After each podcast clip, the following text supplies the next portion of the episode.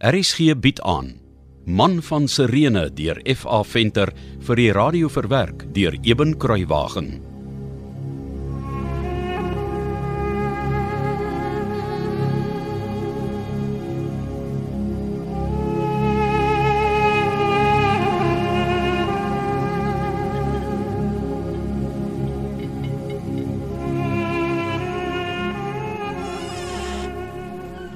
Liewe genade Simon, waar was jy? Ek was al so bekommerd oor jou.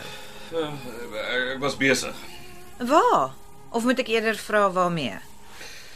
Ek uh, ek uh, ek was in Jerusalem om te gaan kyk of daar al meer pelgrims aangekom het vir die Pasgas, laas toe ek in die Segiel die brandhout gaan verkoop het. Toe het ek na die Damaskuspoort toe gestap. En jy sê vir niemand waarheen jy gaan nie. Nou hoekom sou die pelgrims jou skielik interesseer? Want uh, Josef van Arimatea het my gevra om die wyn vir hom te verkoop sodat die kruike kan leeg wees vir die nuwe oes. O. Moet jy dit aan die pelgrims verkoop? Uh, ja, ons uh, ons kry mos 'n gedeelte van die inkomste van die wyn wat ons verkoop. Onthou jy? Nee, maar ek glo jou. En ons het so baie droëhout vir alles wat ek in die seegiel uitgekap het ons die werf begin skoonmaak het. Dit ek gemeen het ek kan sommer daarvan ook aan die pelgrims verkoop terwyl ek nou van die wyn vir Josef moet verkoop. Kyk net hoe slim is jy. ja, dan het ons genoeg geld om alles te koop wat ons nodig het vir die Pasga. Ah, dankie my liewe Simon. Wel, elke ou bietjie help, jy weet. En sommer baie ook. O, jy het uh, jy het vir Maria misgeloop. Sy was vanoggend hier. O, oh, Ja, sy was net weg toe kom uh, toe, toe kom sy aan. net sy alleen.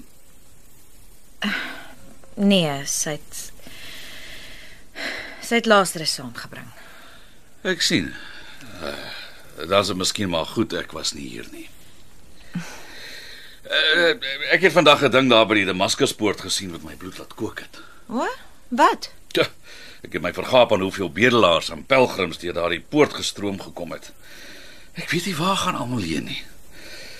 En terwyl ek die spulletjie nog so staan en dophou, toe sien ek net 'n vreeslike optog van die noorde kant af aankom. Huh? Wat se optog? Tja, perde ruiters met 'n trompet geskal en wie weet wat nog. En dit het jou bloed laat kook. Nee nee, die optog was maar net iets wat saam met al die baie mense en hulle pakdiere geraas gemaak het. Toe was ek nog nuuskierig. Ek sien, maar nou is ek nuuskierig, wat het dan jou bloed laat kook, Simon? Daar het 'n man langs my gestaan. En ek vra hom toe, "Wat 'n optog is dit?" Ja, ek kon sien hy's glad nie beïndruk met die gedoente waarna ons staan en kyk nie. In die volgende oomblik spoeg hy so met 'n boog in die stof en hy sê, "Seker Pontius Pilatus en sy kasarm." Pontius Pilatus. Ja. Maar, maar ek steur my toe nie verder aan die optog nie.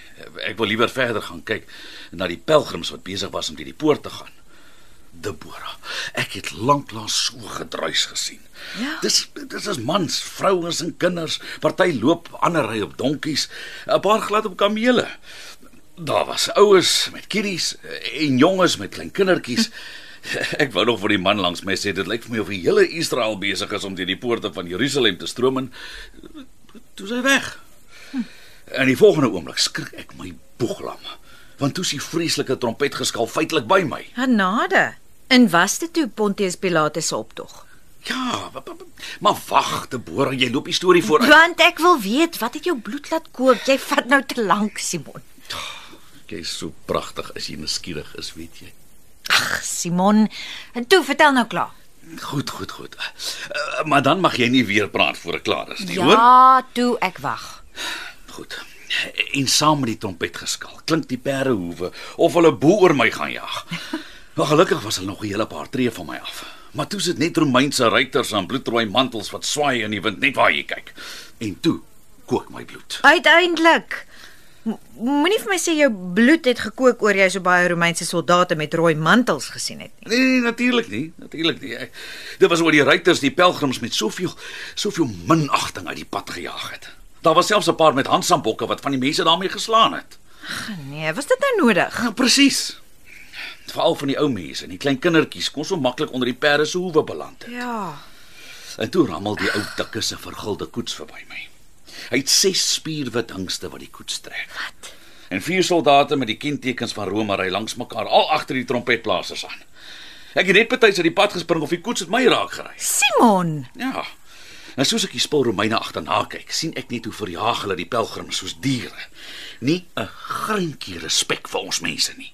ja Simon, ek verstaan hoe jy moes voel. Maar weet jy wat, Deborah? Wat? Die hele eindpad terug huis toe het ek my van voor af vererg. Uh, oor wat jy gesien het. Nee. Ek het geloop en dink aan daardie daardie Nasareëner wat ons mense so bedrieg. Messias se voet. Ek sê weer, as hy die Messias was, dan het hy al wat 'n haatlike Romein was uitgeroei. Ons sou Rome met die banvloek getref het soos ons voorvaders die heidene uitgeroei het wat tussen hulle in die beloofde land gestaan het.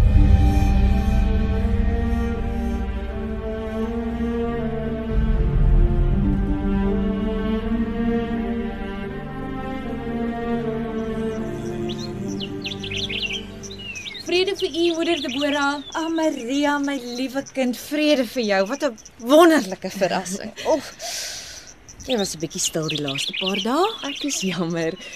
Dit het 'n bietjie dol by die huis gegaan met die dat die pasga om die draai is en met al die voorbereidings daarvoor wat afgehandel moet word. Praat jy my kind? Oeg, dol is nie die woord nie. Maar ek het darm vir moeder Deborah 'n verrassing saamgebring. 'n Verrassing?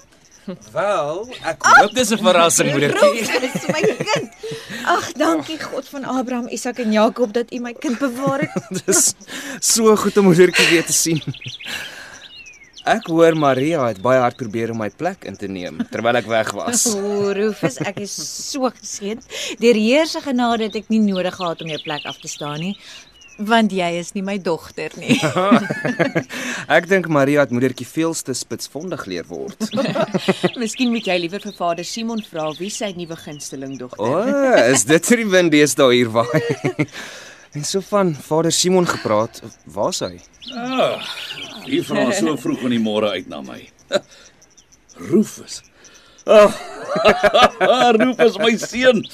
Ah, Rufus my seun. Dankie Maria kind. Dankie dat jy my seun huis toe gebring het. Rufus het gisteraand in Betania aangekom. Hy kon nie wag om te kom groet nie. Toe nou Maria, my vader hoef daarmee ook alles te weet nie. Nou toe, waarvoor sal ons hier buite staan? Kom ons gaan sit binne.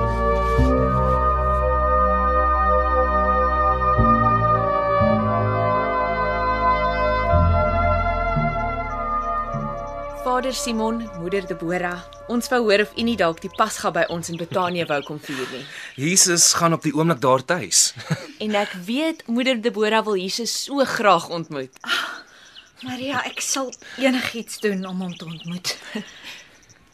Vader, Ek uh,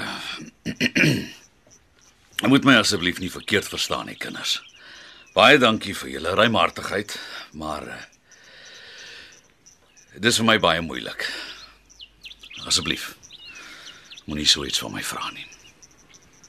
Ehm uh, ja, ek uh, ongelukkig sal ek ook nie kan, kan gaan nie. Uh, ons uh, julle vader ek uh, hoor nou vir my. Ehm um, dit wys julle net hoe is Maria al vir my soos my eie kind. Ehm um, Simon en ek doen dinge saam. So baie dankie vir die wonderlike uitnodiging, maar ons sal die keer die Pasga nog hier op Getsemane se werf vier. O, ons verstaan, moeder Deborah. Nou ja, uh, dis tyd vir my om te gaan. Ek moet gaan wyn verkoop vir Josef van Arimatea daar by die huisie waar hy die wynkruike bære. Die pelgrims kom koop hulle wyn daar vir die Pasga.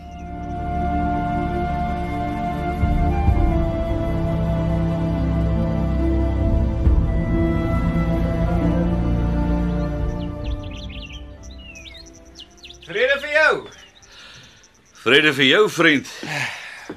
Ek het kom wyn haal. Ja, ek het jou sien aankom met die groot wynkruik van ver af. Gelukkig vir jou het ek wyn in oorvloed. En gelukkig vir my het jy 'n groot kruik wat ek hoop jy gevul wil hê. ja. Jy moet hom vir my volbak. Maar eers wil ek drink. Ek's dors. Ooh, ek's moeg ook. Oh, maak jouself tuis ja, dan uh, skink ek so lank vir jou 'n drinkbeker vol. Dankie. Vreemde man die met sulke onrustige donker oë. Hy lyk of hy 'n kwelling het. Vroeg oor iets. Jy is die eerste klant wat vanmôre hier langs kom. As hy. Geniet dit. Dankie.